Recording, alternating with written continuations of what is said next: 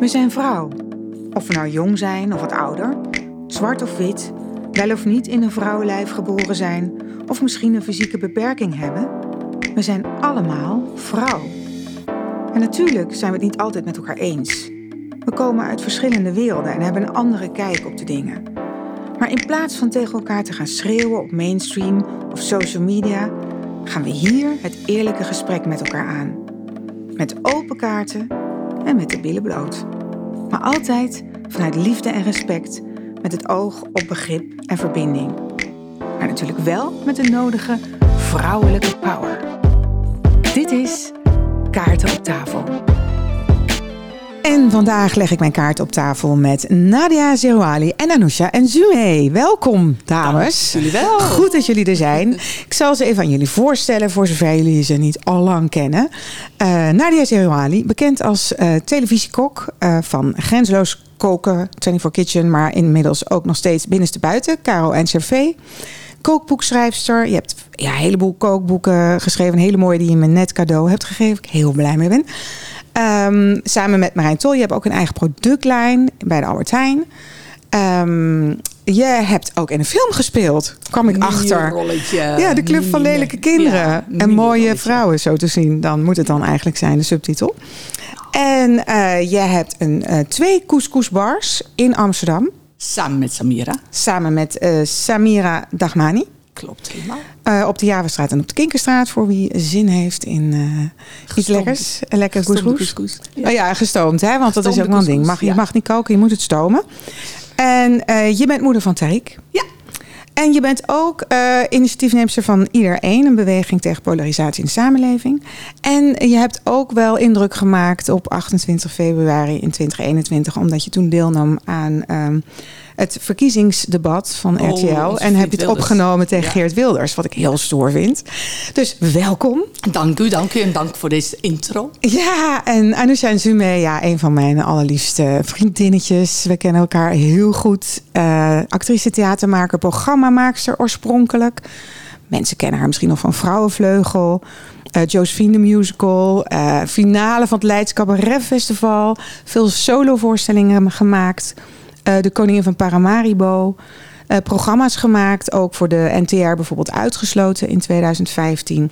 Steeds activistischer geworden eigenlijk. We hebben dat ook een beetje zo samen meegemaakt. En uh, in 2014 gezamenlijk met nog wat andere vrienden, collega's, de Piet Makeover actie opgezet. Waarin we eigenlijk Zwarte Piet een, een, ja, een nieuwer uiterlijk wilden geven zonder raciale kenmerken. Je hebt verschillende boeken geschreven. Hallo Witte Mensen. Je bent nu uh, bezig, komt binnenkort uit, Hallo Witte Scholen. Zeg dat goed? Ja, helemaal goed. Je hebt een hele leuke, succesvolle podcast samen met ABC uh, Wakira en Mariam El Maslougi. El Mariam Maslougi. Maslougi, ja.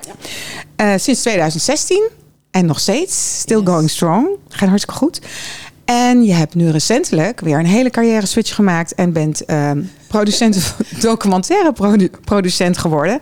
En hebt uh, mede geproduceerd de documentaire Master of Light over George Anthony Morton, een zwarte kunstenaar die heel erg geïnspireerd is door uh, Rembrandt. Dus een hele mond vol, enorme veelzijdige carrière. En um, samen hebben wij ook nog een boek geschreven, De Mama Match, over eigenlijk die spagaat van de moeder uh, tussen um, gezin en carrière. En de kaarten zijn geschud. En dat is dus ook het thema van vandaag, de spagaat tussen gezin en carrière. Dus ik wilde eigenlijk beginnen, Anousha, met de vraag van waarom vond jij dat toen zo belangrijk om dat boek te schrijven? Um, ja, wij vonden het belangrijk. Hè. Wij zijn natuurlijk, we, hebben ook, we, zijn, we kennen elkaar voordat we kinderen kregen. We zijn zo ongeveer nou nog net niet bij elkaars bevallingen geweest, maar ik was een van de eerste bij jou, jij was een ja, van de eerste bij ja. mij, babytjes gezien. En uh, voor ook ons steeds samen zwanger. Twee keer samen zwanger geweest, inderdaad. Echt heel bijzonder. Ja. En we hadden allebei zoiets. Voor ons was het eigenlijk heel natuurlijk om leven ook weer op te pakken. En natuurlijk het gevoel en liefde voor je kind. Maar oké, okay, ook gewoon door mijn leven ja. en mijn carrière.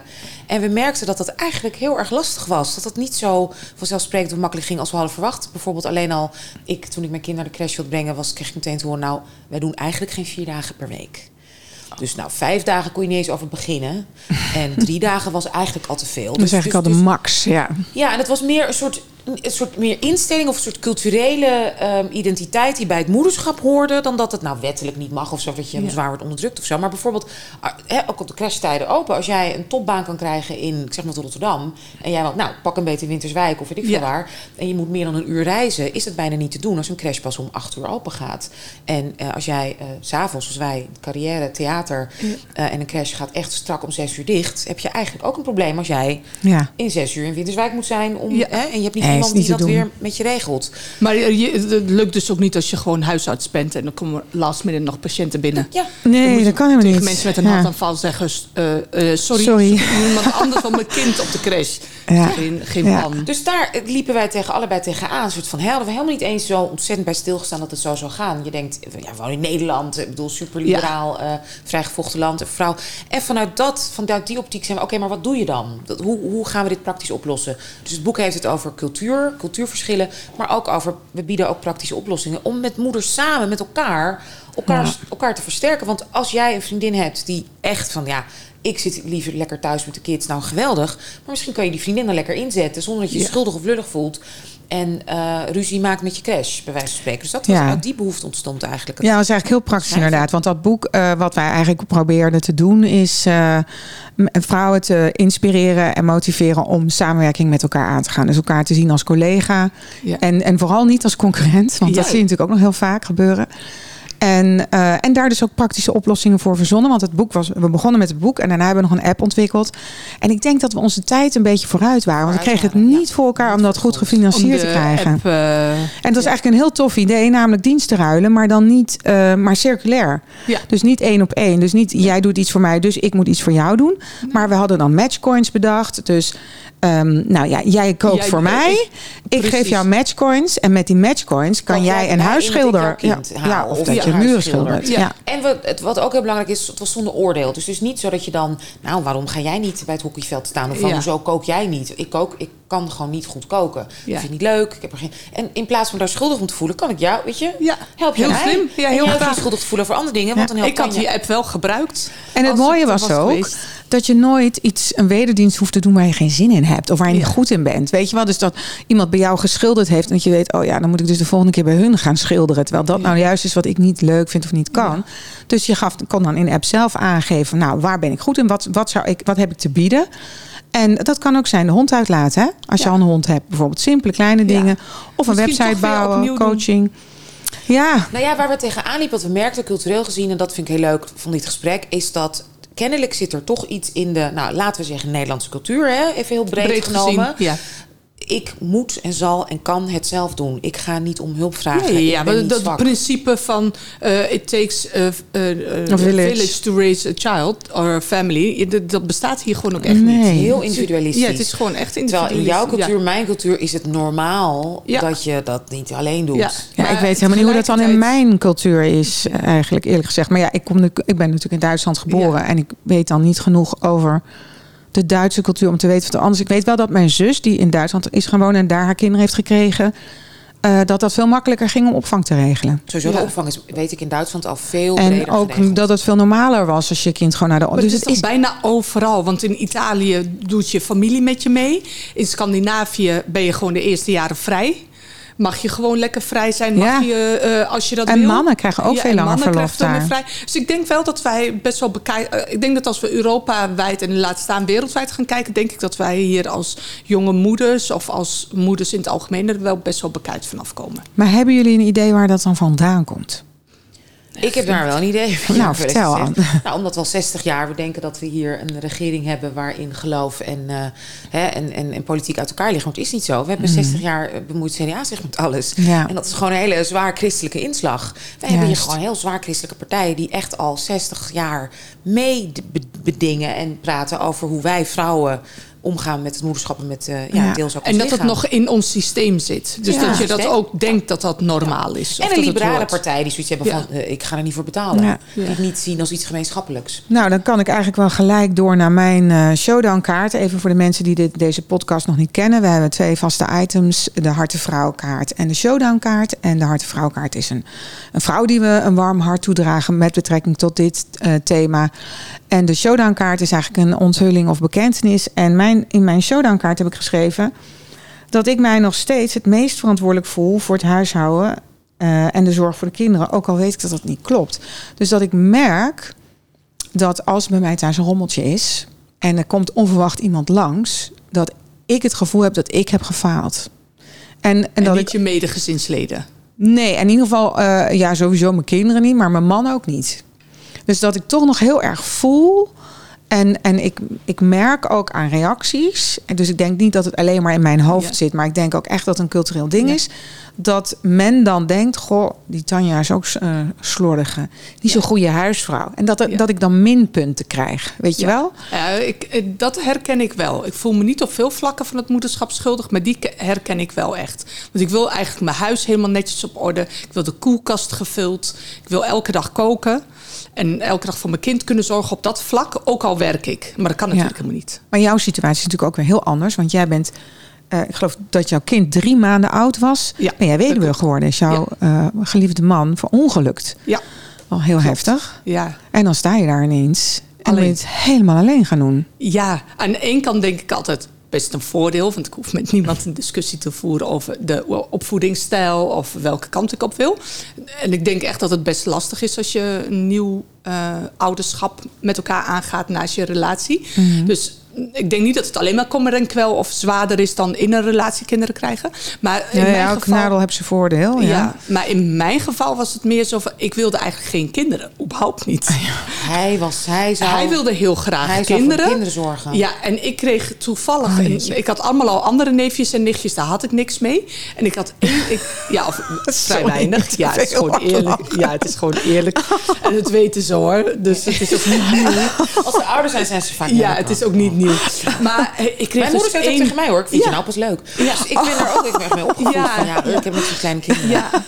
En toen kreeg ik dus één neefje en die was veel te vroeg geboren. Zo'n heel klein scharminkeltje in een couveuse. Op slag verliefd. Maar Oh ja. echt zo zwaar verliefd dat ik echt vanuit mijn werk in Amsterdam hele detour nam naar Almere buiten voordat ik naar huis ging en zo. En dat een paar keer per week. Dus ik was echt zwaar echt verliefd. verliefd. Echt zwaar verliefd. En mijn man was elf jaar ouder dan ik. Dus die had echt zoiets. Ja, Nadia, als je ooit kinderen wil, nu, want na mijn veertigste, geen kinderen. Nou, er was één ding aan Hakim, dat was heel makkelijk. Als hij iets zei, meende hij dat. Dus dat werd niet Kon je met op niks bouwen? gedaan. Ja, daar kon je echt op rekenen. Dus ik dacht, nou, mijn moeder heeft er twee jaar over gedaan om zwanger te worden. Zonder dat ze ooit de pil had gebruikt. Ik heb twaalf jaar de pil doorgeslikt. Weet je, eh, ik eh, stop met de pil en dan duurt het vast nog jaren. Maar dan kan ik wel zeggen dat ik mijn best heb gedaan. Nou, je raadt het al van niet eens een lekkere sekspartij. Gewoon Hoppa. hoppa, Huppatee, zwanger. meteen Eerste- haak. Eerste maand. Nou, dat heb ik... Schrok je dood? Ja, nou, echt. Ik heb de eerste tien weken mocht hij ook niet blij zijn. Hij was heel blij, maar hij mocht nog niet blij zijn. Ik, ik, ik denk dat ik echt wel vier keer zwangerschapstest heb gedaan. Alles. Het duurde echt best lang voordat ik het kon accepteren dat ik überhaupt zwanger was. Zeg oh, maar, maar. dat, herken ik wel een beetje. Ik moest dat ook, vond dat ook wel een dingetje hoor. Toen ik, Ja.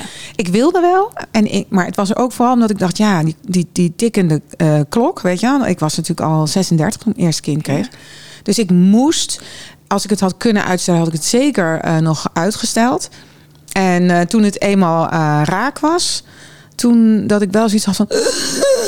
Oh, en ik Ik gewoon mijn echt- niet uitkreeg. Ik dacht, zo, maar stel je voor dat ik dat kind stom vind. Oh ja. Oh my god, ik zag vroeger altijd door de, wc. Maar ja, dat kan echt niet. Als je, als je echt een kind krijgt en zo. Dus ik had echt best wel eh, echt existentiële levensangst. Dat ik echt Ah, dacht, ja. hoe ga ik ehm, de rest van mijn leven verantwoordelijk kunnen zijn voor een kind? Straks vind ik hem helemaal niet leuk. Maar het is godzijdank echt helemaal goed leuk? gekomen. Ik vind hem echt fantastisch. En was je na de bevalling ook meteen op slag verliefd op je eigen ja, kind? ja, ja, ja, Oh, dat gelukkig wel. We konden wel met z'n tweetjes tegen elkaar zeggen van... Jezus, wat een lelijk kind. Ja, Maar dat hadden echt heel dun en lang. ook heel helder en duidelijk over. Dus, eh, we konden zo, maar alle baby's in mijn familie waren allemaal uit. dik. van die Oh, gezellige, ja. papperige babytjes. En die van mij was helemaal dun. Dan kon je echt zo de vellen zo omhoog trekken. De, en de maat kleren die ik had gekocht, die waren veel te klein voor hem. Want hij was echt heel lang met van die hele lange beentjes. Dus die staken zo uit Ah. het kleertjes, uit dat HEMA-broekje. dus we konden er ook wel direct om lachen. Maar nee, god, ja, echt. Ik ben zo blij dat ik echt direct wel verliefd op hem was en hem heel leuk vond. Maar het feit dat ik een hele oké zwangerschap had, een hele beroerde bevalling en geen borstvoeding, dat lukte allemaal niet en zo. Ik denk wel dat dat ook ermee te maken had. Dat Heeft nog effect, niet helemaal klaar was voor dat hele. En maar goed, en toen drie maanden later eh, Stond ik ja. te- ja. dat lijkt mij dan ook extra ingewikkeld. En dat is natuurlijk al mega tragisch. Grote liefde, Ja. Die wil je natuurlijk helemaal niet missen. Maar op zo'n moment, Ja, oh, helemaal Oh, niet. helemaal nee, nee, niet. maar- Nee, het, het enige wat ik echt altijd zeg, we hebben een soort van bounce, wat we kunnen. Veerkracht, Veerkracht. ja, ja. Weet je, dus ik had heel erg zoiets van, ja, er worden mensen geboren en dan gaan mensen dood. En bij mij was dat zo dicht bij elkaar, Ja. dat ik het ook echt wel... Kijk, da- dan is het weer heel fijn als je een religieuze of een culturele achtergrond hebt. Want op, juist op dat moment, soort momenten was het wel echt tot steun. Ja, ik kon echt wel zeggen, alhamdulillah. En dat betekent iets als, ja, een ge- gezegend of zoiets. Of ja, ik weet niet eens hoe je. Alhamdulillah, eh, ik gebruik het honderd keer per dag. Maar het betekent een soort van berusting, maar niet op een negatieve manier zoals wij het moest berusting zo het- zijn.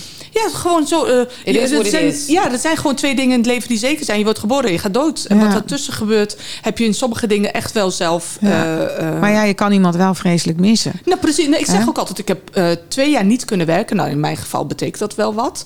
Waarvan zeker de eerste jaar, als het niet nog langer is, shock was. Dus nog voordat ik überhaupt aan rouw toe kwam. Ja. En eh, ik ben echt vanaf dag één, was mijn huisarts zo slim om tegen mij te zeggen... ja, Nadia, je kunt niet eh, aan de pillen en eh, je kunt het niet onderdrukken. Je moet er doorheen.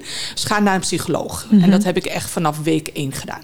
Dus Ja. echt een paar keer per week naar de psycholoog. Praten, praten, praten, huilen, huilen, huilen. Alles een plekje geven. Want we hadden ook nog ruzie voordat hij de deur uit Oh nee. Ja, Oh, wat niet gek is als je weet... Ja, je hebt een baby, je bent net... Nou, ja, een baby is nog, gezin. nog erg, maar dat is voor een andere podcast. Want dan kan ik uren Nee, vullen. wel Maar, het is iets, echt, ja. hij heeft twee keer, eh, Hakim heeft twee keer in het ziekenhuis gelegen. En mijn kind heeft twee keer in het ziekenhuis gelegen. In die drie maanden Oh, jeetje. tegelijkertijd. Dus dat mijn man, die is nooit bij mijn kind in het ziekenhuis geweest. Terwijl hij aan de beademing lag, niet meer kon ademhalen en zo. Dus dat heb ik allemaal alleen moeten doen. Oh, terwijl ik dat goodness. nooit alleen heb gedaan. En borstvoeding die niet lukte. Wat is het leven toch een rollercoaster, hè? Ja, nou, helemaal als je door het leven hebt gefladderd. Maar ja, ik heb altijd heel fladder, lekker door het leven gefladderd. en toen in ene alles serious shit. Ja. Jij hebt opgeschreven als jouw hartevrouw ehm, Laura. Ja, nou ja, dat, dat past dus eigenlijk Nou, wat plan je dat toch goed? Hè? Naadloos aan dit verhaal. Want toen ik zwanger was, eh, hadden we eigenlijk afgesproken dat een van mijn schoonzussen zou oppassen op ons kind. Later. Want ik zou vijf dagen blijven werken. Hakim zou drie, vier dagen blijven werken. En dan de andere opvang zou mijn schoonzus gaan doen. Want die woonde in die tijd nog in Almere. En Hakim kreeg zo aan het einde van mijn zwangerschap... had hij zoiets van... Nee, nee, voelt niet goed. Ik wil niet dat zij gaat oppassen. Oh. Want ehm, nee, eh, ze heeft te veel troubles thuis. En eh, nou ja, hij wilde het gewoon niet. Ik zei, nou dan ga jij dat mooi vertellen. Ik, eh, Nou ja, niet alleen vertellen, dan ga je ook maar oplossen dan. nou ja, vooral vertellen. Oh. Ik had echt zoiets, hoe ga je dat doen? En toen kwam het toevallig, zoals toeval wel of niet bestaat... de buren van ons aanbellen. Hebben jullie nog traphekjes nodig? Want ik zag dat je zwanger was en wij gaan weg. Ik zei, oh ja, doe maar. Want we hebben twee trappen in huis. Eh, voor de keuken is op de tweede verdieping. Dus nou, helemaal fijn. Wij die trap installeren gekregen van hun. En toen vertelden ze dat zij een oppas hadden om de hoek, genaamd Laura... En eh, toen zei Hakim, oh, dat is een goeie, want ik wil niet meer dat mijn, dat mijn zusje gaat oppassen. Dus eh, misschien moet je met Laura gaan praten. Dus Hakim heeft het allemaal georganiseerd en hij heeft Laura nooit ontmoet. Oké. Dus hij heeft mij naar Laura laten gaan met mijn dikke buik. Haar naam is Met, Lau- Laura. ja, met Laura echt afgesproken dat zij wel op mijn kind zou willen oppassen. Als ik niet binnen een jaar of twee zou gaan verhuizen. Want zij bouwt zo'n band op met kleine kinderen. En ze vindt het dan heel na als ze Ja. dan echt weer verdwijnen. Ik zei, nou, daar zijn we niet van plan. Eigenlijk wel een goed teken als iemand Mooi, zoiets zegt. ja. Ja. Nou, ze heeft echt eh, kinderen op wie zij heeft opgepast. Heeft ze al bruiloften en kleinkinderen van, zeg maar. Jeetje. Oh, Ja. wauw. Ja, dus eh, ze heeft ook in die zin helemaal gelijk gekregen. Dus eh, zo, zo is het gebeurd. Dus Laura was jouw redding. Laura was mijn redding, maar zonder dat zij wist dat ze mijn redding was. Want zij heeft Hakim dus nooit ontmoet. Bizar. En Hakim heeft haar nooit ontmoet. We wonen bij elkaar om de hoek. Bizar. Ze heeft hem één keer van ver af gezien toen hij met zijn krukken liep. Jeetje. Ja, het is echt een heel bizar verhaal. En Laura is dus mijn redding in dit hele verhaal. Ja. Want door haar heb ik dus eh, vijf dagen per week, zeven dagen per week kunnen werken. Of naar een psycholoog gaan. Of Ja. eh, op Herstellen, reis gaan voor mijn eh, boeken. Ja, gewoon aansterken. eerst was het dus naar de psycholoog gaan en aansterken en ademhalen. En daarna werd het steeds meer werken. En zij was heel erg gewend aan al die vrouwen die twee dagen per week werkten om vijf uur thuis waren. En toen kreeg ze Nadia. Hoe ging ze daarmee om dan? Nou, dus wat ik zo heel leuk vind over solidariteit tussen vrouwen gesproken. Ze is echt, eh, eh, nou, ze is 67 of zo. Dus ze is echt een oudere generatie dan die van mij. Ze is even, haar kinderen zijn even oud als ik. En eh, ze was gewoon flexibel. Ze had zoiets, oh Nadia, je hebt een baan waarbij je niet kan afspreken hoe laat je thuis bent s'avonds. Prima. Als jij te laat komt, dan eet het kind hier. En eh, als, eh, als je dan nog te laat bent, dan slaapt hij hier. Dus op een gegeven moment was het gewoon... Eh, hij kon daar eten, slapen. Ze heeft hem wel eens naar het ziekenhuis gebracht. Want dan werd hij echt... Hij had last van zijn longen. Was hij zo benauwd. Dus hij zei, nou Nadia, doe maar rustig aan. Maar ik ga wel alvast met hem naar het ziekenhuis. Dus maak Oh. je werk maar af. En dan wist ik... Ik kon dan ook letterlijk rustig mijn werk afmaken. Zonder schuldgevoel. Want het hele beroerde stapjes van wachten in de wachtenruimte en zo. En knuffelen met een baby, wat je wil, dat gebeurt. Of met een klein kind, dat deed zij allemaal. Wat fantastisch. Anousha. vandaag, hè? 17. Oh, Ja. fijn. Ja. Anousha, jij, jouw verhaal is weer op een andere manier heel heftig, vind ik. Want nou ja, je had natuurlijk in Nederland je eh, zaakjes best wel goed op orde. Drie kinderen. Ehm, je man, die ook een carrière heeft als arts, psychiater. En eh, je was hier lekker bezig. Je had je boek eh, Hallo Witte Mensen net geschreven. Was een eh, groot succes. Je werd constant overal gevraagd om te komen spreken. En toen besloot, of tenminste kreeg Martijn, je man, een aanbod om in New York ehm, een, een heel mooie nieuwe vakgroep te leiden. Of zeg ik dat Ja, zo goed? onderzoek te leiden waar- waar hij heel gepassioneerd over is. Wat hij heel belangrijk vindt in de psychiatrie. Want hij is ook onderzoeker. Eh, gepromoveerd ook op dat onderwerp. Dus dat was... Het was hij Een kans der kansen. Kans er kansen. En toen? Hij was hier eigenlijk klaar, zeg maar ook, hè, qua groei in Nederland. Juist. Kleiner land, kleiner... Ja. Maar ja, dat betekende dus dat jullie ineens eh, voor de keuze stonden van wat gaan we doen? Gaan we emigreren? kinderen. Met drie kinderen, drie beginnende tieners. Dus de jongste was 10, 11. En dan heb ik twee jaar ouder, dus 13 en 15. Dus dat was, dat was heel moeilijk. En ik dacht, ik heb heel lang ook gedacht van ja, ik ga niet. En we zijn al heel lang samen, al 20, 15, 16 jaar. Eh, we gaan gewoon long distance. Of ja, ja, nou dat was het dan. We had a great run Ja. en we zien wel. Ehm, en ja, ik had ook mijn werk. Maar wat mij deed twijfelen... Ja, goed, ik hou heel veel van hem. Ja. Toch het idee, elkaar, weet ik veel, vier, vijf maanden per jaar niet zien. Hoe gaan we dat doen? Dacht ik, oh ja, dan, ga, dan moet ik wel echt bereid zijn om uit elkaar te gaan. ja. Ehm, was je niet. nee, Dus- was ik niet. Oh, en ehm dat wil ik de kinderen ook natuurlijk niet aandoen. Dus hun vader. En ik vond Roosevelt Islands, ik vond een plek. Want ik dacht, ik wil niet dat... Ik heb in New York gestudeerd. Ik weet hoe te heftig, te gek, geweldig die stad is. Maar het is geen stad voor kinderen. Gewoon absoluut niet. Ja. En je bent je leven kwijt. Want je kan die kinderen kunnen niet alleen op straat. Gewoon niet buiten spelen, vergeet het maar. Maar ook niet alleen naar vriendjes en vriendinnetjes toe. Speeldates is daar ook een heel ander iets, hè? Dan ga je Jij, mee. jij moet dus echt Nee, moeder ja. zijn die heen en weer rijdt. Of de oppas gaat mee en dat moet je Ja. kunnen betalen. Ja. Dus Alles is duur. Alles is letterlijk drie, tien keer zo duur. Dus ehm, toen ik Roosevelt Island vond, een klein eilandje tussen Queens en Manhattan in. En daar wonen heel veel mensen uit Europa. Heel veel mensen die voor de VN werken, wonen daar. Het is een heel internationale community en ook nog heel gemengd. Ook qua diversiteit. En super veilig. Oké. Dacht ik, oh, daar kunnen kinderen s'avonds gewoon nog op straat. Kunnen naar school lopen op het eiland zelf. Kennen elkaar. En dan ben ik toch ook in de stad. Want ik zag mezelf ook niet als een soort moeder in de suburbs. Alleen maar met de auto. En dan vanaf 11 uur alleen depressief achter de witte wijn. eh, Ja. Daar zitten. Wachten tot vier uur Ja. uitnuchter. En dan Ja. die kinderen halen. Ja, nee. Dus dit was ideaal. Dus toen dacht ik, oké, dan durf ik het een Heeft kans het te geven. En ik had een beetje iets van, weet je, ik, ik ga naar de 50. I've- Ik heb een goede carrière gehad. Nou ja, ik ga door met de podcast. Ik kom el- elke twee maanden naar Nederland en we zien Dat wel. had je bedongen hè, met Ja. eh, Martijn. Dat je Ja, zei dat van nou echt ik zo wel. vaak naar Nederland ja, zou komen. ja, elke twee maanden vliegticket en eh, dingen in Nederland kunnen blijven doen. Want, want was er ook ooit sprake van dat hij zou bedanken voor die ehm, functie? Jawel, want hij houdt zoiets van, als jullie niet meegaan, ga ik niet. Ja, en dan, Ja, en dan denk je ook weer, ja shit, dat, ik wil niet dat hij de rest van zijn leven mij vervloekt omdat Ja. ik hem dan. en de kinderen wilden die mee. Heel wisselend. De, uh, de twee oudste wel vonden het interessant, de jongste niet. Want die ging naar groep 8. Oké. Ik zou de eindmusical missen, alles missen. Dus dat was heel zwaar. Pas toen we met z'n allen een weekje daar naartoe zijn gegaan... en zij het wel zag hoe leuk het was en naar welke school ze zou gaan... Ja. toen had ze iets van, nou oké. En de school had ook gezegd... joh, ze kan meedoen met de musical volgend jaar. We verzinnen wel iets leuks. Hm, Oké. Dus dat was heel lief. was heel Oh, leuk, lieve goed. afscheid. Ja. Ja. Ja, dus toen maar... dus het was heel lang wikken, wikken, wegen, Super wegen, wikken, wegen. wegen. En dan vervolgens hebben jullie de knoop doorgehakt en zijn jullie in diepe gesprongen. Ja. Uh, maar ja, dus dat is, dat is natuurlijk dan echt bij uitstek zo'n spagaat voelen. Van waar Enorm. kies ik nu voor en hoe en hoe belangrijk is dit? Ja. Maar jij had echt volgens mij ook ehm, geaccepteerd dat het klaar zou zijn met je Ja. carrière. ja, ik dacht dan ben ik nu eindelijk gewoon een huismoeder. Nou, een huismoeder met een podcast en boeken. Maar, Ja, toen, maar toen, thuis- maar toen ging het Ja. toch anders. Toen ging het toch anders, omdat ja, ik kan... En dat is niet jou overkomen, want dat heb je echt zelf Ja, gecreëerd. ik heb gecreëerd, Ja. kansen gecreëerd. Hè? Ja. Johan Cruijff, je moet altijd Ja. kansen creëren. Dat zeg ik ook altijd. Weet je, dat zegt Oprah toch... ehm, Succes is preparation, meeting, opportunity. Dus Ja. je moet altijd voorbereid zijn op de kansen. Dat betekent dat je hard moet werken en moet voorbereiden op wat je ook wil. Visualiseren, het voor je zien. Maar ook voorbereid zijn, gewoon praktisch technisch. Voor het geval dat je die kans krijgt. Voor die kans Kan het zijn dat je hem nooit krijgt? Nee, maar, Maar- je kan ook zoveel mogelijk die kans Ja. opzoeken. Dus inderdaad, ik, ik dacht, als ik daar zit... Ik wilde vrijwilligerswerk doen. Ik stond voor alles open. Maar zonder green card kan je helemaal niks. Je mag niks, niet eens vrijwilligerswerken. Dus dat, ik zat thuis.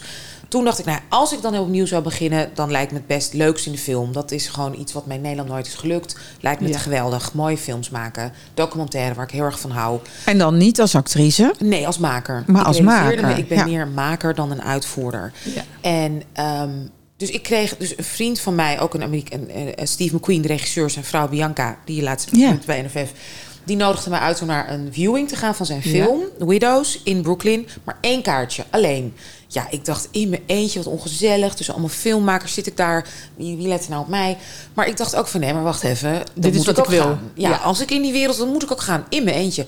Dus ik ben gegaan, in mijn eentje. En daar, nou, dan moet je met mensen praten. Zie ik opeens een producent, Roger Ross Williams... die mij in Nederland had geïnterviewd... naar aanleiding van Zwarte Piet. Maar hij had me eruit geknipt, want hij had maar zoveel minuten... En zijn man had toen, die is Nederlands, die zei... je kan niet Anoush Zenzu meer uit je film knippen. Oh, wat erg. Je moet er bellen, je moet het tegen haar zeggen. Ja. Zei helemaal, oh my god, moet ik die vrouw bellen? Maar hij dacht, er komt een of andere diva, weet ik van. Maar ik kwam natuurlijk op mijn fiets, gewoon met. Hey, hallo, weet je wel. En ik kende iedereen. Zei van, oh, oké, ze is geen bitch, ze is heel leuk. Ze is heel Dus ik kan normaal met haar praten. En toen hij me eruit moest knippen... reageerde ik ook heel erg laks van... oh nee, prima, ik heb al genoeg, weet je, doodsbedreigingen. Ah, Maak je geen zorgen. Ja. Dus hij was, mij vergeten, hij was me niet vergeten. Hij wist, dat is een leuke, weet je, aardig Ja. iemand. Dus toen we elkaar zagen, was het echt van... hé, hey, jij hier, jij hier. En toen dacht ik, maar wacht even, hij zit in de filmbusiness. Hij is producent, maakt documentaires. Toen heb ik me vastgegeven en zei... kan ik gratis voor je werken? Ik, want ik mag toch niet betaald worden, want ik heb geen Ja. green card. En nou ja, ja, ja, hij schoof me een beetje af, zo Amerikaans. Ja, great, bel me maar. En ik belde. En ik belde nog een keer. En ik stuurde mijn cv. Je hebt hem gewoon gestalkt. En ik had mijn cv ver- vertaald in het Engels. En hij had een feestje. En ik ging naar dat feestje. En ik nam allemaal vrienden mee. En we stonden allemaal leuk te dansen. Dus hij zag gewoon... Ja, ja, hij kon er niet onderuit eigenlijk. Ja, na drie, vier keer nee zeggen, zei hij ja. En nou, binnen een jaar... Ik heb er echt letterlijk een jaar het vak geleerd, gewerkt. Je bent eerst begonnen als researcher volgens mij. Hè? Researcher, maar ook Maar dat kan zij ook, hè? Echt, Ja. Anu- Anousha, als je iets wil weten of iets opgezocht moet hebben, zeg je tegen haar, tak, tak, tak, tak, tak, achter die computer. En Ja. binnen no time heeft ze alles helemaal. Dus dan zit je ook helemaal op je goede plek met Ja, ja, ja, ja. Dus, nou, en na een jaar kreeg ik de kans om dan Master of Lights. En je bent klaar om echt als producer erop. En dat betekent dus niet, ik dacht nog de associate of weet je wel dat je nog Ja. wat klusjes doet. Maar nee, gewoon echt Jij de gaat maken. lijn. Ook de, de shit, maar ook Ja. de mooie kant. En het coole is, die film heeft dus gewoon al vier of vijf prijzen Ja, gewonnen. Vijf inmiddels prijzen gewonnen. En overal staat Anousha gewoon als producent op de poster, op de affiches. Het is Oh, echt... Maar weet Zo dat cool. in Nederland? Want dat deel van jou weet ik niet. zeg Nee, maar. het of is, is niet het net? Ja, nee, het is, het is nu. We zijn er bij het NFF, dus het Nederlands Filmfestival. Daarom ben ik toevallig nu ook in Nederland. Ehm, hebben we, heeft Rosa ook de beste debuutprijs gewonnen. Oh ja, oh, die wist ik oké. nog niet. Echt weer een prijs, ja. Echt Oh, fantastisch. cool. Dus- Oh, leuk. Ook in. Nederland een prijs. Ja, Fantastisch. ja. Hè, want Echt. het is, zij is natuurlijk een Nederlandse Ja. regisseuse ook. Ja, Ja. ja, ja, Dus, ja. eh, uit Utrecht, dus het is, het is heel mooi. Voor een heel groot gedeelte. Nederlands team. Ja. Dus dat is wel heel tof. Ja, en Ja, ik vind tof. dit dus ook weer zo inspirerend. Ik vind jullie allebei gewoon voorbeelden van vrouwen die uit onmogelijke situaties ja, eh, iets heel moois en Ja. vruchtbaars en eh, inspirerends doen. En dat Maar ik denk dan elke keer, het leven is één onmogelijke situatie.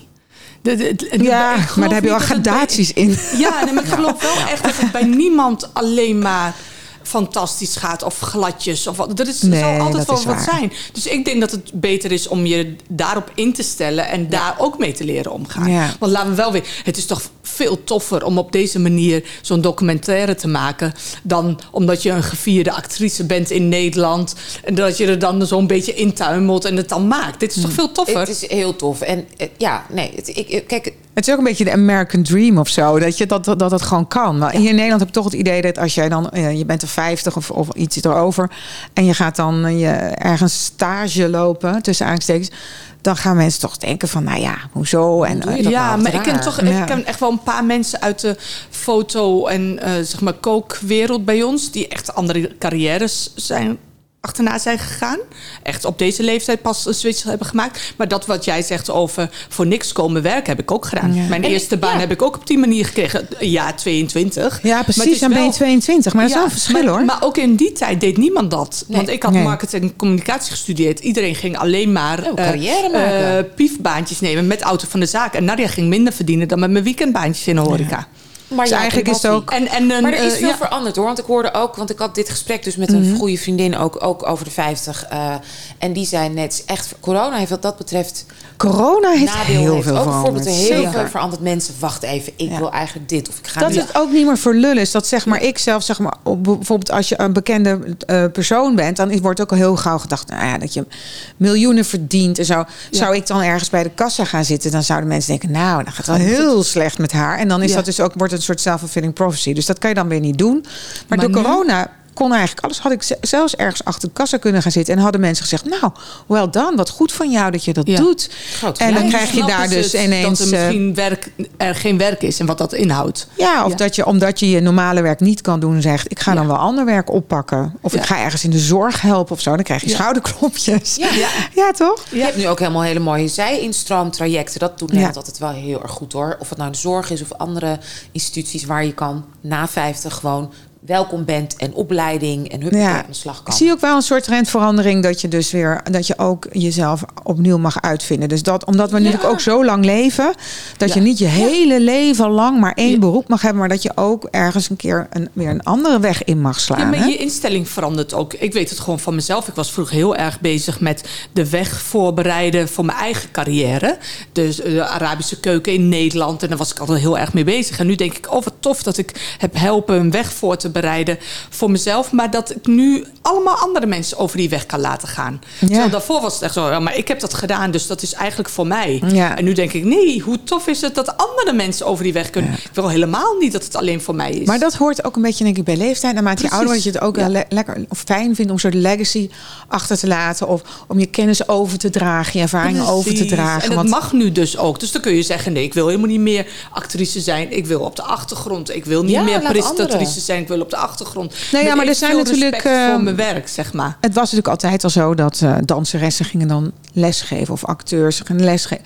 Dat, dat kenden we allemaal wel. Maar echt gewoon een complete 180 eh, naar eh, iets totaal anders. Het was toch altijd heel erg schoenmaker, blijf bij je leest. En hoezo eh, begon al met eh, dat eh, actrices gingen presenteren bijvoorbeeld. Dat was al ingewikkeld. Maar nu zie je dat mensen gewoon nog veel grotere... Vers, eh, ja, ik ken echt mensen die op de Zuidas werken en een zorgboerderij runnen. ja, Ja, leuk toch? dat is nu Ja, dus dat soort combinaties dat je echt denkt van, maar dat is wel twee totaal extreme andere kanten Maar van kijk, het spectrum. En, en je hebt zoveel meer tijd. Kijk, dus mijn moeder die wordt 90 in november. Hè?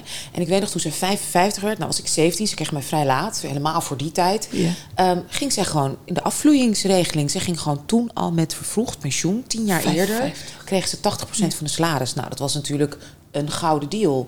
Maar ik weet nog, ze wordt 55 en ik had toen een surprise party voor georganiseerd. Dat was hartstikke leuk. En ik zag een dansende vrouw die nog midden in het leven stond. Weet je wel? Ja. Zoals wij ook, Ja. Tan en ik, boven 50 zeg maar. En, maar binnen vijf, zes jaar ging, zag ik het snel veranderen. Want Ja, ze zat omdat ze gewoon niet meer onder thuis. de mensen... Dus je ja, zegt, je veroudert eigenlijk mensen. sneller als je Ja. stopt met... eh, Ik denk als je niet heel duidelijk hebt van inderdaad, ik ga, weet ik veel, schilderen, ik ga die zorgboerder. weet- een ja. doel voor ogen waar je Ja. naartoe werkt Ja. of Of zo. Of iets waar reizen, je jezelf heel erg aan het ontwikkelen ja, bent. Ja, ja, ja. Ik, ik denk dat dat. Ja, dat ze zegt toch ook dat dat echt zo is voor je hersenen. Ja, die moeten gewoon aan je het werk blijven. Die moeten elke keer nieuwe verbindingen blijven leggen. Ja, door zeker. nieuwsgierigheid geprikkeld worden. Dat is hier in de podcast ook al aan, aan bod gekomen. Had mijn podcast over ageism, waarin uh, het ook echt blijkt een self-fulfilling prophecy te zijn. Hè? Dus als je iemand constant vertelt, je bent daar te oud voor, dan gaan mensen dat ook geloven. En dan wordt het dus ook zo. en dat het zelfs zo is dat als jij met een elder, elder speech tegen iemand praat, is een soort van stemmetje van, nou oh, mevrouwtje, gaat u maar even zitten. Dat mensen dus ter, ter plekke op celniveau verouderen. Dat is bizar, hè? Oh, maar goed, we dwalen af. Ik wil even naar je harte vrouw, uh, Anusha, want daar staat in Ludmila Muravjova. Muravjova, ja. Muravjova. Jouw oma. Uh, waar je ook uh, in ons boek over geschreven hebt. Vertel, waarom is zij jouw hartevrouw? Ja, nou dat was ik ben opgegroeid met vrouwen. Kijk, ik ben socialistisch opgevoed. En in, het, in de hè, voormalige Sovjet-Unie werkten alle vrouwen, waren opgeleid, verdienden allemaal hetzelfde, deden gewoon ja, compleet mee met de maatschappij. Uh, zaten hè, misschien niet in de regering, maar wel op hele hoge posities. En mijn oma was directeur zeg maar, van het staatsenergiebedrijf. Dus zij. En waar kwam je oma vandaan? Uh, Rusland. Rusland, oké. Moskou. Uh, of nou ja, buiten Moskou, maar anyway, Moskou opgegroeid. En ja, ik kende niet anders dan mijn moeder, mijn oma, al haar vriendinnen. Die werkten allemaal fulltime, verdienden evenveel of zo meer dan een man. En uh, waren supermondig, grote mond, bemoeiden zich met alles. En ook uh, ja, journalist of ik veel, op, op, elk gebied. Dus, en mijn oma was zo'n vrouw, die was ja, die, die, die, die, die, die was ook seksueel. Die, die, die, die, die, die hield ook van het leven. Die hield van mannen. En zo heeft ze mij... Het was mijn stiefoma. Ze was maar tien jaar ouder dan mijn moeder. Heeft ook heel veel bijgedragen aan mijn opvoeding. En heeft mij ook zo opgevoed. Met 0,0 schuldgevoel. Dus voor mij bestond dat niet dat ik niet door zou blijven werken. Dat ik me lullig of schuldig daarover zou voelen. Dat ik wel of niet kookte. Nou, dan niet. Mijn man had voor koken. Nou, dan kook jij toch lekker. Doe ik iets anders. Ja. Dus ja, dat was... Zij is echt wat dat betreft mijn hart. Zij heeft echt die mentaliteit bij jou erin gegooid. En dat is interessant. Want ik heb jou opgeschreven als mijn hartevrouw. Oh, want precies dat wat jij nu zegt, heb ik dan weer van jou. Ik ben nog steeds aan het oefenen hoor. Want ik heb het nog niet helemaal verinnerlijkt. Maar uh, ik weet nog dat jij zei van... Um, uh, de term creatieve ruimte introduceerde bij mij. Omdat ik me constant schuldig voelde als ik dan gewoon iets gezelligs ging doen. Weet je wel, terwijl je had een gezin en je had die carrière en druk, druk, druk, druk, druk. Dus ik had toch ook het gevoel dat ik elk vrij moment dan in dat gezin moest gaan steken. En dat ik dan jokte tegen mijn oppasmoeder, weet je nog. Dan durfde ik dus niet. Te, en als ik dan onverwacht dan zei Anne van kom, ga een wijntje drinken op terras of zo. Ik zei ja. En dan ging mijn oppasmoeder bellen van ja, ik heb een heel onverwacht, een hele belangrijke bespreking. Ja, auditie om kan ik ze, kan ik ze, kan, je, kan jij ze uit school meenemen of wat dan ook? Ik durfde dus niet te zeggen. Dat je ik wil even een wijntje gaan drinken met mijn vrienden ja, op een terras. Wat natuurlijk absoluut legitiem was geweest. en wat mijn oppasmoeder misschien wel helemaal niet erg zou hebben gevonden, weet ik niet. Dit is je eigen. Maar mijn eigen gevoel van. ja, juist. Nee, Laura is echt, wat dat betreft, echt serieus. Nou, maar nee, doe je, we hadden Donnie had het misschien ook wel begrepen. Ik heb haar de kans niet eens gegeven. Maar ik, het, is, het ligt aan mij, hè, niet aan, aan haar. En, en dat jij tegen mij zei, maar Tan, dat is ook gewoon creatieve ruimte creëren in je hoofd. Want als je altijd maar je hoofd vol zit met van alles, geven. heb je geen ruimte om creatief te zijn. Ontstaan er ook geen nieuwe ideeën. Dus het, het zogenaamde niets doen, quote unquote, is ook iets heel, is niet niets doen en is essentieel belangrijk. Dus gezellig samen wijntjes drinken, kletsen over het leven, zorgt ervoor dat je ook weer uh, ideeën krijgt. En dan dacht ik, oh ja, oh, dat is ook gewoon onderdeel. is ook iets, ja, dat is iets belangrijk. Dan, maar als ik weet, ik weet niet of ik ook een vraag dan mag stellen in de podcast. Want Tuurlijk. hoe, hoe, hoe kan het dan? Want jouw moeder is ook was, is, is een kunstenaar en iemand ook van heel veel creatieve vrijheid en ruimte. Dat je dat iets zou denken, dat heb jij natuurlijk. Nee, mijn moeder heeft mij uh, van alles verteld, maar ook van alles voorgeleefd. En voorleven is altijd uh, maakt, is hardnekkiger uh, dan uh, uitleggen. En jouw moeder was een huisvrouw. En mijn moeder was in de praktijk was de volledige zorg voor de kinderen. En het hele thuisgebeuren lag op haar schouders. Ja, ja naast Compleet. Naast 100% En haar kunst was eigenlijk altijd een onderschoven kindje. En ze heeft het met pijn en moeite haar kunstacademie afgemaakt. Toen waren wij al geboren. Heeft ze, dat, heeft het moeten onderbreken. Ze heeft het afgemaakt. Ze is deels in Duitsland, deels in Amerika gestudeerd. Toen emigreerden we naar uh, Nederland. Toen in Nederland de studie afgemaakt. Wij op de basisschool zat. Enorme spagaat geregeld dat we tussen de middag... Want was dat overblijven, weet je wel? Dat is toch ja. zo'n griem dat ik tussen de middag bij een Engelse familie overbleef... die bij ons in een wijk uh, woonde. Die kinderen heeft ze gewoon achtervolgd van de bushalte van oké, waar wonen? Die woont dus ook hier in de wijk, die zit op dezelfde school. Aangebeld, kennis gemaakt met die moeder van kan, kan je mij uit de brand helpen? Al die dingen zo geregeld, omdat ze, wij woonden in Eindhoven, ze studeerden in Den Bosch. Ze kon niet even op en neer. Dus het is een enorme spagaat voor haar ook. Dat zag jij. Ook al zei ze, je kan alles Ja. en zij werken. zei juist, zorg dat je onafhankelijk bent. Zorg dat je eerst Ja. carrière maakt. Niet meteen aan de man blijven hangen. Niet te jong eh, kinderen krijgen, bla bla bla. Maar ondertussen Ja. is het wat ik zag... ja. was mijn vader die carrière maakte. Die meer dan fulltime werkte.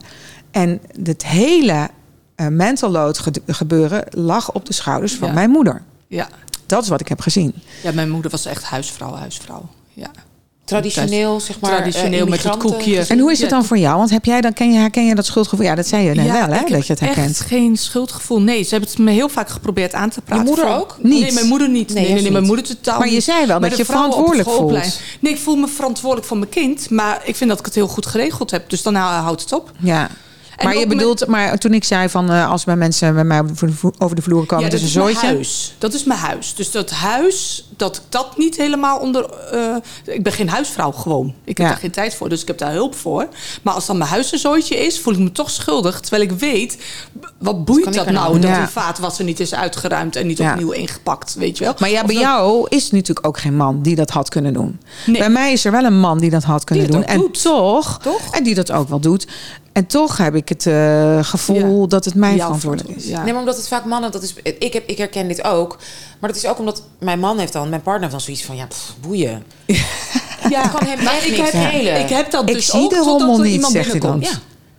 Nee, ja, dus ik, Ik, ook. ik Dus- heb dat ja. gevoel van boeien. Ja. Ik vind andere dingen belangrijker. Totdat er iemand binnenkomt en dan denk ik... oh, Ja. gefaalde huisvrouw. Oh ja, ik ben geen Ja, huisvrouw. Maar mijn man heeft het ook niet als iemand binnenkomt. Nee. Nee, mijn man ook niet. Maar wij, kijk, Ik wel. natuurlijk ook, laten we wel wezen, cultureel gezien krijg je ook gewoon de schuld als vrouw. Klaar, Ja. dat is gewoon Ja. nog steeds zo. Kijken mensen Ja. toch jou aan. Ja. Ja. net als met die koffertjes. Weet je nog, daar hadden we het wel eens over in ons boek. Of in onze columns die we tijdelijk geschreven hebben.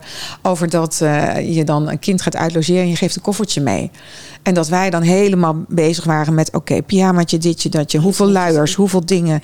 Wat moet allemaal voor gepland worden? Moet toch, een- als ze in het water vallen ergens... of ze maken zich vies, nog een extra setje kleding... als netjes opgevouwen, tandenborsteltje, dingetje, datje...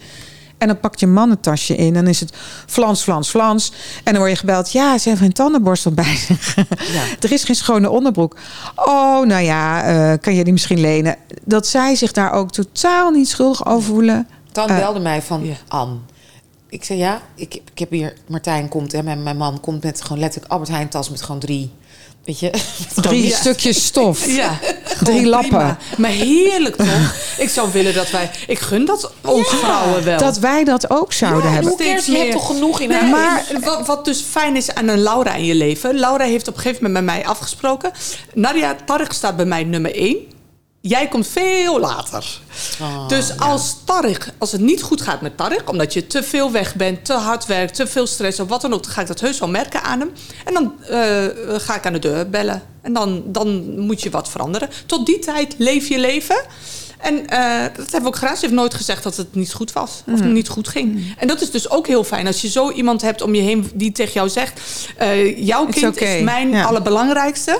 Dus ga werken, ga, maak En je helemaal niet druk. misgaat- En als het echt iets is, of er gaat niet goed... of ik merk iets aan hem, dan trek ik wel aan de bel... en dan laat ik het je weten. Maar ik heb ook het gevoel in onze cultuur dat het ook wel zo is dat je daar als alleenstaande moeder meer begrip voor krijgt dan wanneer je in een relatie bent.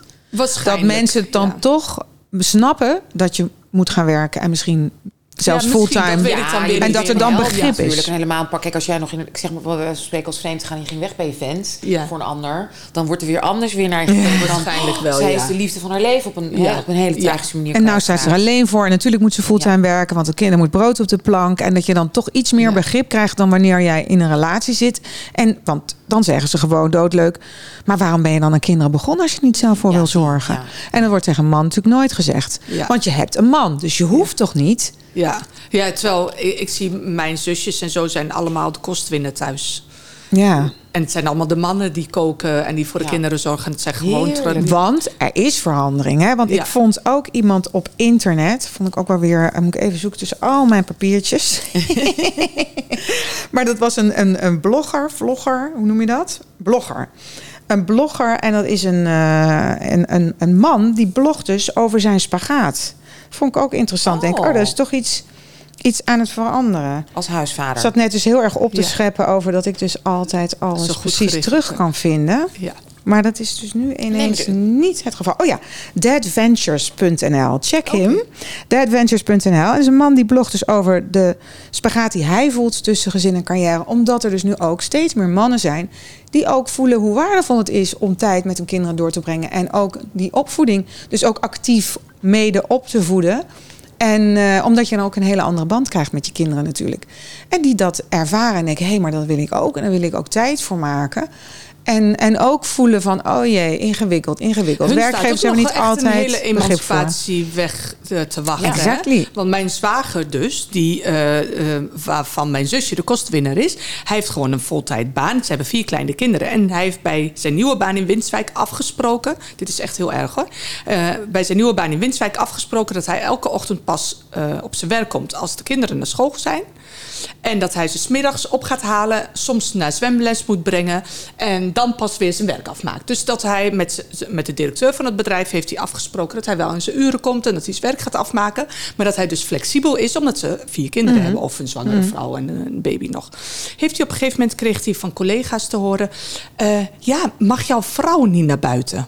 En hij zo, Ja? hoe je mag mijn vrouw. Nee, dit is echt heel erg. Oh my Hoe god. bedoel je? Ook hij. Ja, hoe bedoel je, mag je vrouw niet naar buiten? Ja, jouw vrouw heeft toch een hoofddoek? Eh, ja, maar hoezo mag ze niet naar buiten? Ik bedoel, hij was echt in shock. Hè? Hij Dus komt uit van- Rotterdam en dit is in Winterswijk. Dus niet van denken van, oh wat tof, wat een leuke geëmancipeerde vader. Nee, die Nee. zal die vrouw wel slaan en onderdrukken. En daarom gaat hij die naar vrouw mag niet naar buiten. zijn en voordelen, hij het allemaal doen. In plaats van zijn vrouw is keihard aan het werk. Die is bewegingswetenschappen, geestelijk islamitisch verzorgen. Oh en heeft nog wel andere dingen te doen dan alleen hun vier kinderen. Hoe leuk ze dat ook vindt. Weet je, en Al die ik, vooroordelen. Oh ja, we hebben dus nog echt veel te gaan. We daarin zit een vooroordeel. Ja. Maar ook gewoon dat ze niet gewend zijn dat mannen dat een man- kinderen Nee. naar school brengen en ophalen. En Een daar dubbel dus vrij- vooroordeel eigenlijk, Ja, ja. dubbel tijd voor nodig hebben. Dan Maar mag het ik gebeurt even, dus wel. toch even complimenten. Maar dat is wel tof dat in ieder geval, je kan alles over zeggen. Maar een Nederlander gaat het dan in ieder geval vragen.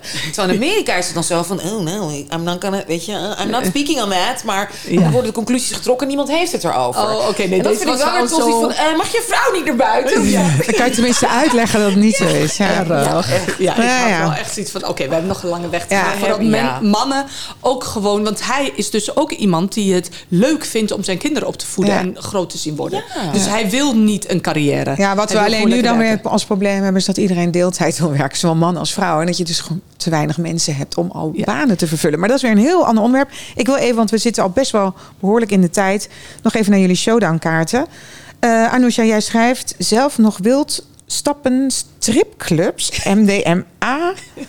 Jesus Christ, wat staat er? Arberink 53. Ik hou gewoon nog van uitgaan. Ja. En ik vind dat zo bizar. Ik dacht altijd, nou, als ik eenmaal moeder ben, als ik kinderen heb, dan ga ik toch niet nog steeds wild uit. Het houdt toch op een gegeven moment op. En het houdt maar niet op. Ik Nee, deze het is gewoon nog leuk om te stappen. Oh my god, ik bedoel niet. Maar niet iedere week, niet toch? week. Ik ging vroeger ieder weekend uit. ja, nee, Daar moet ik echt niet aan denken. Nee, dat niet. Maar ik vind het wel. Ik, ik, ik verwacht het, weet je. En waar ik het een beetje voor doe, is ik dacht altijd: als je moeder wordt, Ja. gebeurt er iets. Je verandert. Dat heb ik ook in ons Ja. boek over de mama met jou geschreven.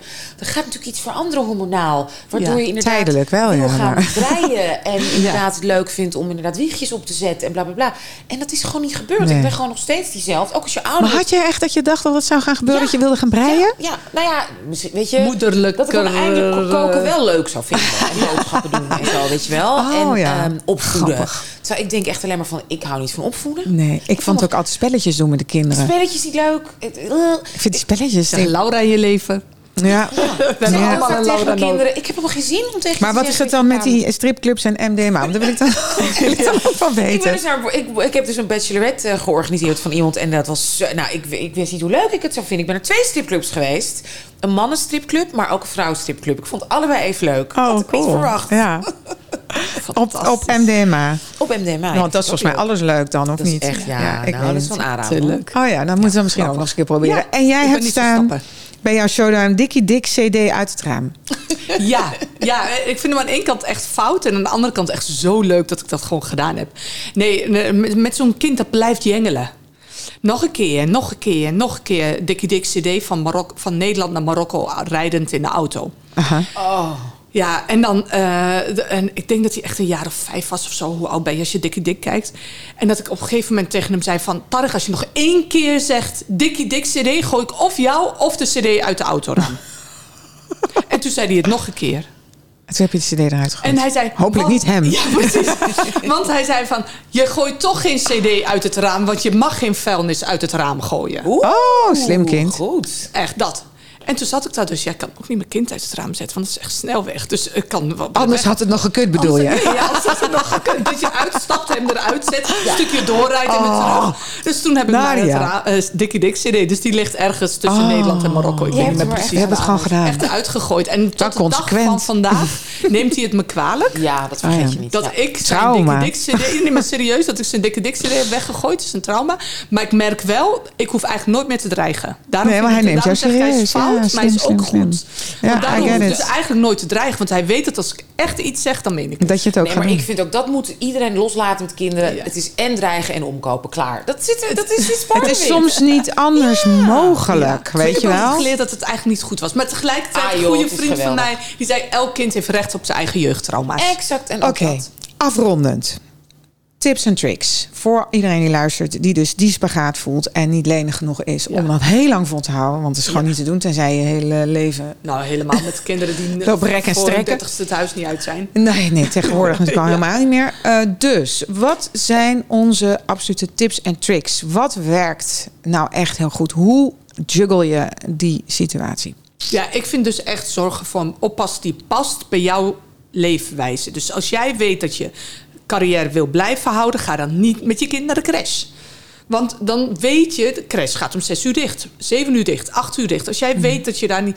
eh, ga op zoek naar een gastouder. En hoe, En hoe ga ga je daar nou op zoek? Want, want dit, ja, dat is natuurlijk zo altijd weer. Je gaat op zoek, maar hoe dan? Want Ja, je hebt nou ja, geluk vragen- gehad. Ja, maar vraag het dus ook. had. Je moet je dus ook kwetsbaar opstellen. Ik moest ook Preparation meeting opportunity. Ja, hè? ik Ga moest dus ook zeggen- Ga zoeken. Ga, Ja, ik moest ook met de billen bloot. Hè. Ik moest Creatief, ook zeggen, ik vindingrijk. moet ook, ik heb ook gewoon moeten betalen. Briefjes ophangen bij de supermarkt misschien. Vragen aan die aan, jouw wat jouw moeder heeft gedaan. ja. Ja. Dus ga er achteraan regelen het inderdaad met vriendinnen die wel thuis willen zijn. Want ik vind Ja. ook als jij wel thuis je kinderen op wil voeden, ook jouw grote recht. Ja. Weet En je wel? mijn- ga het gewoon opzoeken. Mijn belangrijkste tip is schuldgevoel uit het raam. Als we dan toch iets uit het raam moeten gooien, dan vooral dat schuldgevoel. Helemaal. Let it Ja. go, want eh, dat belemmert je zo om gewoon eh, proactief je eigen ding te Maar het is kunnen wel doen. makkelijker als het goed geregeld is. Dus als je een Juist. hulp hebt in de huishouding die een dag lang jouw huis schoonmaakt, scheelt mij een heleboel in mijn schuldgevoel. Ja, maar je hebt mensen die gaan dan zelf eerst schoonmaken Ja, voordat de schoonmaakster komt. Uit schuldgevoel. Dus denk,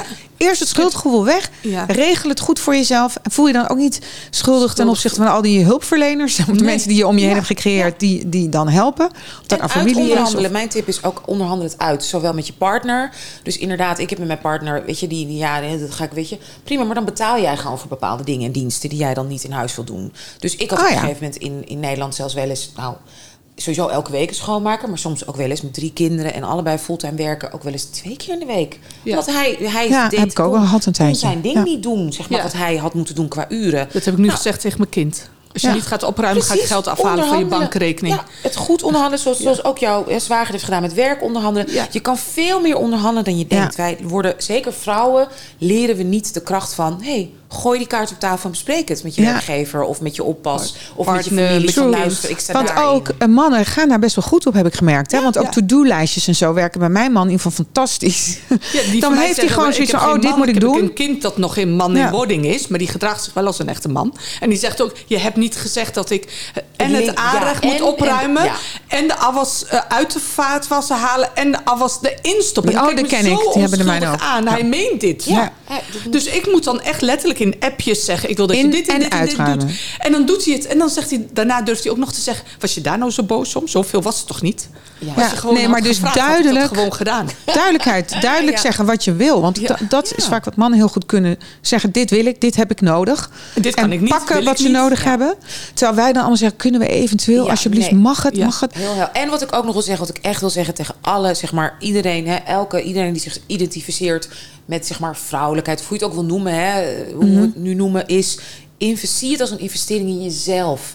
Tijd voor jezelf, leuke dingen doen voor jezelf, jezelf verwennen, iets kopen. En maakt niet uit of een cursus of wat dan ook. Het is niet oh, eh, eh, ik- iets luxe. Nee, het is Nee. een investering. Want Juist. we moeten nog even, we moeten hopelijk. Kijk naar mijn Ja. moeder naar de 90. En we willen ook nog En even op een leuke manier. Ja, en mijn moeder, weet je, die, nou, die- nogmaals, die ontbijt gewoon met stokbrood, met roomboter en chocola. Dat zo moeten we leven. Weet je, gun jezelf dat. Gun jezelf lommetje. vreugde, Ja, plezier, ja, Of inspiratie, af en toe een lekkere striptease club. En af en toe een stripclub. Nou, dat vind ik een fantastisch einde van deze podcast. Dank jullie wel, meiden. Jij bedankt. Jij bedankt. Wat ontzettend leuk dit.